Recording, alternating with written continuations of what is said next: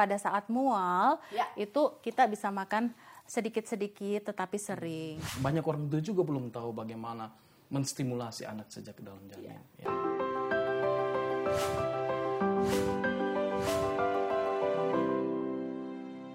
Halo, apa kabar? Saya berharap T-Friends dalam keadaan sehat, sejahtera, berjumpa kembali dalam program Selalu Sigap di mana ini adalah sebuah program talk show atau bincang-bincang santai mengenai pendidikan dan juga pengembangan anak usia dini di Indonesia. Selalu sigap kiranya bisa menjadi sarana berbagi informasi untuk meningkatkan kesadaran dan juga pengetahuan publik ya, terutama seputar stunting, seputar peningkatan kualitas pola asuh anak usia dini, serta peningkatan akses dan layanan pendidikan anak yang berkualitas. Merupakan satu kehormatan buat saya Jill Fandis bisa hadir di kesempatan kali ini di mana hari ini kita hadir menampilkan sebuah topik yaitu mengenai ibu hamil. Izinkan saya untuk memperkenalkan narasumber yang sudah hadir. Yang pertama adalah Dr. Dr. Lucy Widasari MSI yang tergabung dalam tim ahli percepatan penurunan anak kerdil TP2AK. Halo Dr. Lucy. Halo Mbak Jill. Sehat ya dok? Sehat, alhamdulillah. Amin. Yang kedua juga sudah bergabung yaitu program spesialis dari ECED Tanoto Foundation Bapak Arnoldus Paut. Ya. Halo Pak, Halo, sehat selalu ya. Sehat, Mbak. Ini adalah sebuah kesempatan yang luar biasa. Kenapa? Karena kita akan membahas mengenai sebuah fenomena di mana dalam tahapan atau fase seorang wanita, salah satu yang ditunggu-tunggu adalah saat menjadi ibu hamil. Nah, dokter, sebenarnya kalau kita mau melihat fenomena public figure ya yang memiliki badan proporsional dan eh, mungkin ada di antara mereka yang melakukan diet mungkin mungkin. Nah, yang benar untuk ibu hamil tuh bagaimana sih, dokter? Seperti kita ketahui bahwa selama masa kehamilan itu eh, asupan zat gizi itu tidak hanya dibutuhkan untuk ibunya saja, tetapi juga untuk janin yang dikandungnya. Ya. Untuk itu seorang ibu hamil Mbak membutuhkan zat gizi, Yes. tidak hanya zat gizi makro yaitu karbohidrat, Ya. protein Ya. dan lemak, juga zat gizi mikro. Zat gizi makro itu adalah zat gizi yang menyumbang eh, energi yang besar. Oke. Sementara zat gizi mikro itu dibutuhkan oleh tubuh dalam jumlah yang sedikit, Iya. tetapi dia berperanan sangat penting. Nah. Antara lain untuk aktivitas enzim, Iya. untuk metabolisme, eh, untuk reproduksi itu banyak sekali fungsinya. Jadi kalau misalnya kita melihat tentang tren diet itu sendiri, kita juga mesti pinter-pinter sebenarnya, nggak bisa hanya mencomot-comot informasi, benar nggak dok? Ya betul. Oke, kalau aku bertanya sama Pak Arnold, sebenarnya salah satu fokus dari ECED dari Tanoto Foundation itu sendiri adalah nutrisi dan kesehatan bagi ibu hamil. Mungkin bisa dijelaskan apa alasannya dan kenapa itu menjadi salah satu hal yang diperhatikan oleh Tanoto Foundation. Nah, kami juga eh, ini merupakan satu satu kerjasama secara kolektif Ya. kita lakukan bersama dengan pemerintah bahwa ini adalah isu nasional terkait stunting dan juga bagaimana kita bisa melakukan intervensi atau pendekatan bahkan pendampingan Yes, untuk untuk orang tua sejak usia kehamilan sampai dengan anak berusia tiga tahun. benar. Karena kita tahu bahwa uh, di beberapa tempat sejak kita kenal dengan adanya otonomi ini kesiapan dari daerah itu sendiri Ya, juga betul. dari segi, segi finansial dan segi segi programnya juga Ya, itu ya, itu ya. belum belum semuanya secara sama. Nah ini menjadi kendalanya sehingga uh, dari Tanoto Foundation melihat bahwa ini ini masa yang krusial di mana peletak dasar bisa menentukan bagaimana pembelajaran, Ya. di mana Tanoto bagaimana mengusung terkait pendidikan itu sendiri, sehingga jika peletak dasar ini tidak tidak diintervensi dengan tepat dan Betul. baik, ini akan berpengaruh pada produktivitas orang nanti. Iya benar. Nah, kita tahu di usia sejak ke- kehamilan sampai tiga tahun ini periode yang paling krusial. Seribu hari pertama ya. Benar, Betul, perkembangan betul. otak. Iya. Nah, pendekatan paling banyak ya, lebih pada kesehatan Ya, dan gizi. benar. Tetapi kami melihat bahwa ada beberapa komponen yang penting harus harus berjalan bersama-sama. Ya, ya. Nah, pendekatan ini dilakukan oleh WHO melalui nur- nurturing care Ya. framework. Nah, di sini kita lihat uh, gizi yang cukup, uh, kesehatan dan kebersihan dan juga pengasuhan yang tanggap Iya.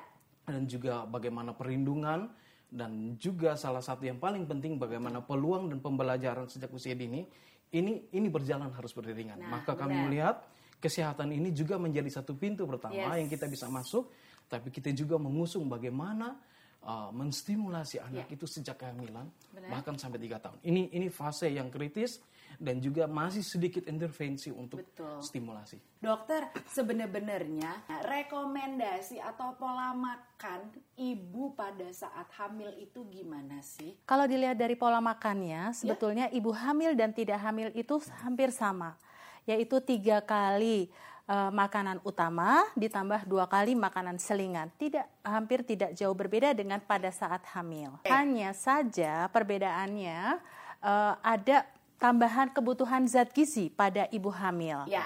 yang kita sesuaikan dengan eh, periode kehamilan. Kita bagi menjadi trimester pertama, trimester kedua, dan trimester ketiga kehamilan. Ibu hamil kehamilan trimester pertama itu kebutuhan energinya eh, meningkat sedikit, yaitu 180 eh, kilokalori dibandingkan dengan ibu yang tidak hamil sekitar 2100 kilokalori. Oke. Lalu pada kehamilan trimester kedua dan ketiga itu Ya. kebutuhan energinya sekitar 300 eh, kilokalori saja. Baik. Kemudian itu energi. Kemudian protein. Protein itu untuk ibu hamil kebutuhannya eh, 60 eh, miligram Oke. atau 10 sampai 15 miligram lebih tinggi daripada ibu yang tidak hamil. Yang tidak hamil. Ya. Begitu juga dengan eh, kebutuhan vitamin dan mineral. Ya. Itu meningkat sedikit eh, dibanding eh, ibu yang tidak hamil dan Oke. itu bisa kita peroleh dari berbagai makanan sumber. Kuncinya Ya. adalah seimbang dan beragam sesuai dengan eh, prinsip pedoman umum gizi seimbang yaitu Ya. ada komponen zat gizi makro dan ada komponen zat gizi mikro Ya. yang terdiri dari karbohidrat yang makro ya, karbohidrat, protein dan lemaknya ada. Ya. Kemudian sumber vitamin dan mineralnya juga ada. Oke. Yang bisa kita peroleh dari eh, sayur dan buah. Lemak itu sangat dibutuhkan, Nah. khususnya adalah lemak esensial Ya. ya, yang banyak kita dapat dari sumber protein misalnya ya, Ikan. ikan. Juga ada dari alpukat misalnya, Nah, itu juga baik. sumber lemak. Itu gitu. sumber lemak ya. Untuk apa? Untuk melarutkan berbagai vitamin yang larut dalam lemak. Oke. Jadi ada vitamin yang larut dalam air, Ya. ada vitamin yang larut dalam lemak. Vitamin yang larut dalam air itu vitamin B dan vitamin C. Yang larut dalam lemak itu adalah vitamin A, D, E, dan K. K. Kalau kita pantang gitu ya, tidak makan lemak sama sekali, Ya. maka berbagai vitamin itu tidak bisa bekerja. Beberapa Ya. ibu hamil memang jatuhnya jadi picky eater dan itu akibat perubahan hormon khususnya hormon estrogen yang masih ada. Seringkali ibu itu merasa mual, mualnya itu Ya. kadang berlebihan sampai muntah. Ya. Ya, sehingga eh, dan biasanya itu pada pagi hari yang kita sebut dengan morning sickness. Yes. Ya, kemudian eh, akibat mual yang berlebihan itu, Mm-hmm. eh, selain itu juga eh, air liurnya juga jadi bertambah. Ya. Itu yang menyebabkan mulut ibu itu terasa pahit, sehingga jika mengkonsumsi makanan apa pun rasanya tidak enak. Oke. Dan itu sebetulnya bisa disiasati begitu. Cara menyiasatinya bagaimana? Eh, yang pertama adalah eh, yang perlu kita tekankan you are what you think. Pertama kita harus paham bahwa asupan zat gizi itu penting untuk janin yang kita kandung. Ya. Baru yang kedua kita bisa melakukan berbagai eh, siasat lah ya supaya asupannya itu bisa eh, mencukupi. Ya.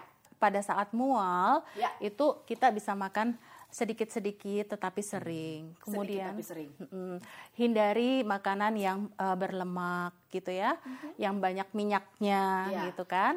Kemudian juga eh, biasakan eh, sajikan em, menu makanan itu dengan yang beraroma jahe, yang beraroma jeruk gitu ya. Ya. Eh, sehingga eh, menghilangkan rasa mual itu. Itu. Dan yang penting adalah dukungan dari suami ya sebagai orang terdekat dan keluarga. Mungkin menu keluarga adalah menu yang memang diinginkan oleh ibu. Kemudian eh, makannya bersama-sama. Nah. Kalau kita makan bersama-sama, bahkan mungkin ayahnya juga bisa acting. Hmm, enak gitu. Iya, betul. Wah enak sekali. Gitu. Kemudian sajikanlah yang menarik. Iya betul sih. Nah, pas banget dokter karena sekarang saya mau membahas mengenai support system. Bagaimana menurut pendapat uh, Pak Arnold tentang support system untuk ibu hamil? Nah, ini semua hal yang sebenarnya tidak butuh tertulis di, di direncanakan, tapi secara kesepakatan bersama Benar. antara antara suami dan istri untuk mendiskusikan ini. Nah, keluarga juga punya peranan yang paling penting. Kadangkala kita di Indonesia tinggal bukan hanya kita dan dan dan istri kita, ya, benar. tapi ada kakak kita dengan yes. istrinya, ibu kita, paman kita satu rumah. Jadi satu keluarga itu bukan satu keluarga, itu keluarga besar. Betul. Nah, ini kadangkala apalagi mereka sudah berkeluarga ya. duluan, ini mempengaruhi bagaimana kita mengambil sikap pada saat seperti contoh yang tadi ya kalau lagi mual dan apa ya sudah jangan dikasih makanan seperti ini nah, nah. kita pasti akan mendengarkan mereka oh ini karena mereka sudah punya pengalaman ya.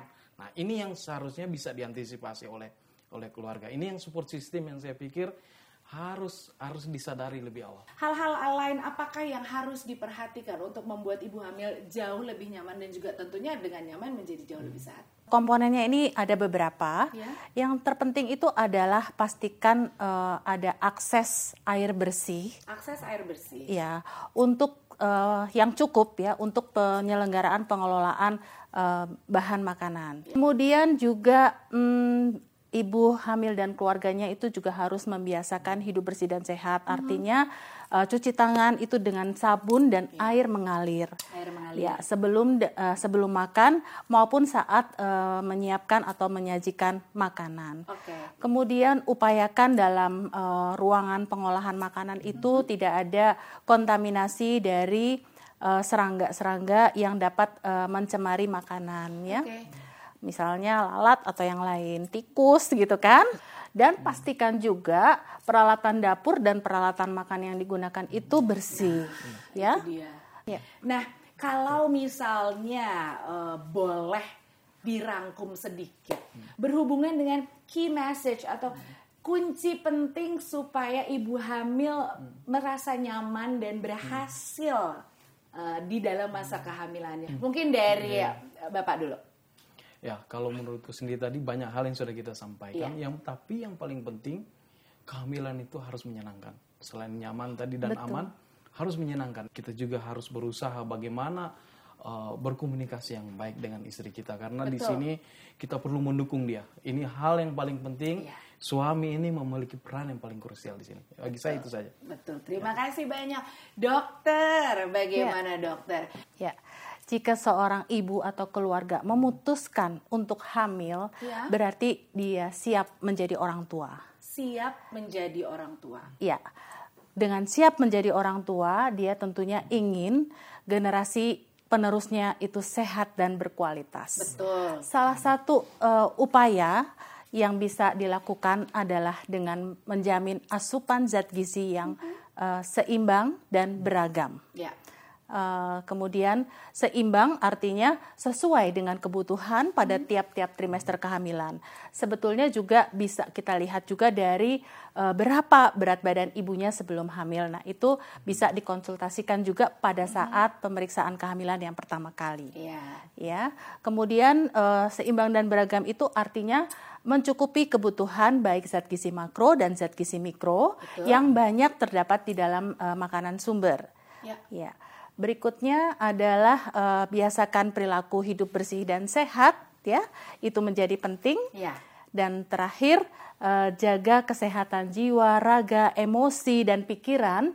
Tentunya itu akan sangat membantu Betul. yang menyebabkan ibu itu tidak ada masalah uh, termasuk masalah makan selama Benar. masa kehamilannya. Betul, mengelola stres. Ya. Dokter Lucy, Pak Arnold, terima kasih banyak. Ada Sama-sama. banyak sekali hal-hal yang bahkan saya sendiri jadi belajar lagi, dok. Dan kami harapkan teman-teman sekalian bisa mengunjungi social media kami.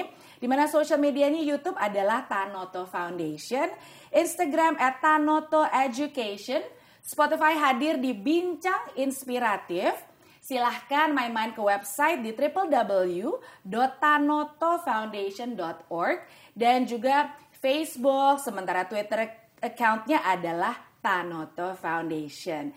Baiklah, terima kasih banyak terima kasih Pak, terima ya. kasih banyak Bu Dokter, teman-teman sekalian. Sampai kita berjumpa di episode berikutnya. Saya Jul Fandis, sampai jumpa.